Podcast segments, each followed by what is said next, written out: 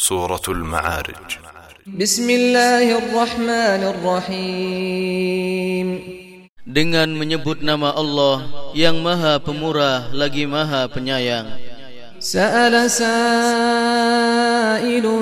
بعذاب واقع Seseorang peminta telah meminta kedatangan azab yang bakal terjadi. للكافرين ليس له دافع untuk orang-orang kafir yang tidak seorang pun dapat menolaknya. Min Allahi dil ma'arij. Yang datang dari Allah yang mempunyai tempat-tempat naik. Ta'arujul malaikat wal ruh ilaihi fi yoomin kana mukdaruhu 50 alfasana. Malaikat-malaikat dan Jibril naik menghadap kepada Tuhan mereka dalam sehari yang kadarnya 50 ribu tahun. Maka bersabarlah kamu dengan sabar yang baik. Innahum yarawnahu ba'ida. Sesungguhnya mereka memandang siksaan itu mustahil. Wa narahu qariba sedangkan kami memandangnya dekat pasti terjadi. Yawma takunu as-sama'u kal pada hari ketika langit menjadi seperti luluhan perak. Dan gunung-gunung menjadi seperti bulu yang berterbangan.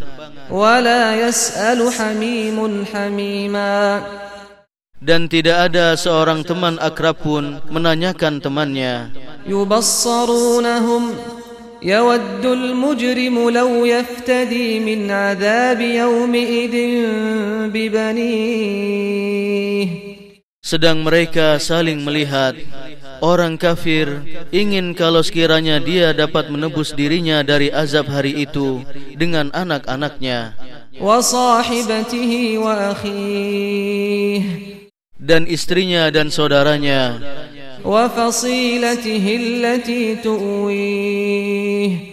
dan kaum familinya yang melindunginya di dunia ومن في الأرض جميعا ثم ينجيه dan orang-orang di atas bumi seluruhnya kemudian mengharapkan tebusan itu dapat menyelamatkannya كلا إنها لظى Sekali-kali tidak dapat. Sesungguhnya neraka itu adalah api yang bergejolak. Yang mengelupaskan kulit kepala. Yang memanggil orang yang membelakang dan yang berpaling dari agama serta mengumpulkan harta benda lalu menyimpannya innal insana khuliqa halu'a Sesungguhnya manusia diciptakan bersifat keluh kesah lagi kikir. Idza massahu asy-syarru jazua. Apabila ia ditimpa kesusahan, ia berkeluh kesah. Wa idza massahu al-khairu manua dan apabila ia mendapat kebaikan ia amat kikir إلا المصلين kecuali orang-orang yang mengerjakan solat الذين هم على صلاتهم دائمون yang mereka itu tetap mengerjakan solatnya والذين في أموالهم حق معلوم dan orang-orang yang dalam hartanya tersedia bagian tertentu.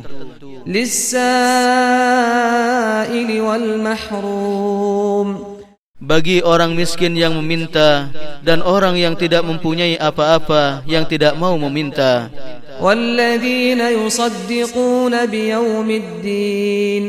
Dan orang-orang yang mempercayai hari pembalasan. والذين هم من عذاب ربهم مشفقون dan orang-orang yang takut terhadap azab Tuhannya إن عذاب ربهم غير مأمون Karena sesungguhnya azab Tuhan mereka tidak dapat orang merasa aman dari kedatangannya. والذين هم لفروجهم حافظون dan orang-orang yang memelihara kemaluannya.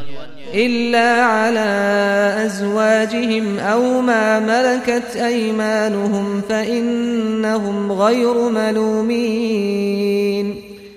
Kecuali terhadap istri-istri mereka atau budak-budak yang mereka miliki maka sesungguhnya mereka dalam hal ini tiada tercela.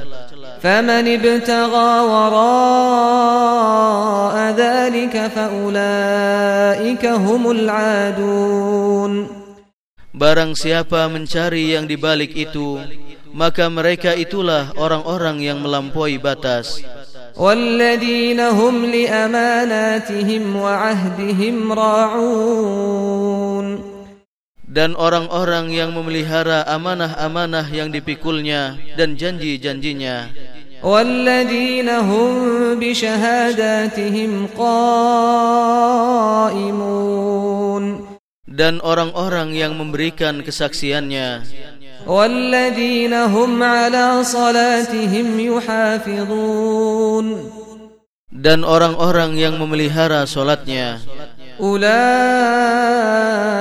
في جنات مكرمون mereka itu kekal di sorga lagi dimuliakan فما للذين كفروا قبلك مهطعين mengapakah orang-orang kafir itu bersegera datang ke arahmu عن اليمين وعن الشمال عزين dari kanan dan dari kiri dengan berkelompok-kelompok أيطمع كل امرئ منهم أن يدخل جنة نعيم Adakah setiap orang dari orang-orang kafir itu ingin masuk ke dalam surga yang penuh dengan kenikmatan?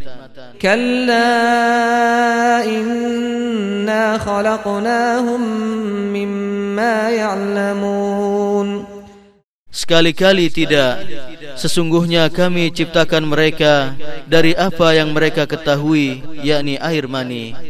فلا أقسم برب المشارق والمغارب إنا لقادرون Maka aku bersumpah dengan Tuhan yang mengatur tempat terbit dan terbenamnya matahari, bulan dan bintang.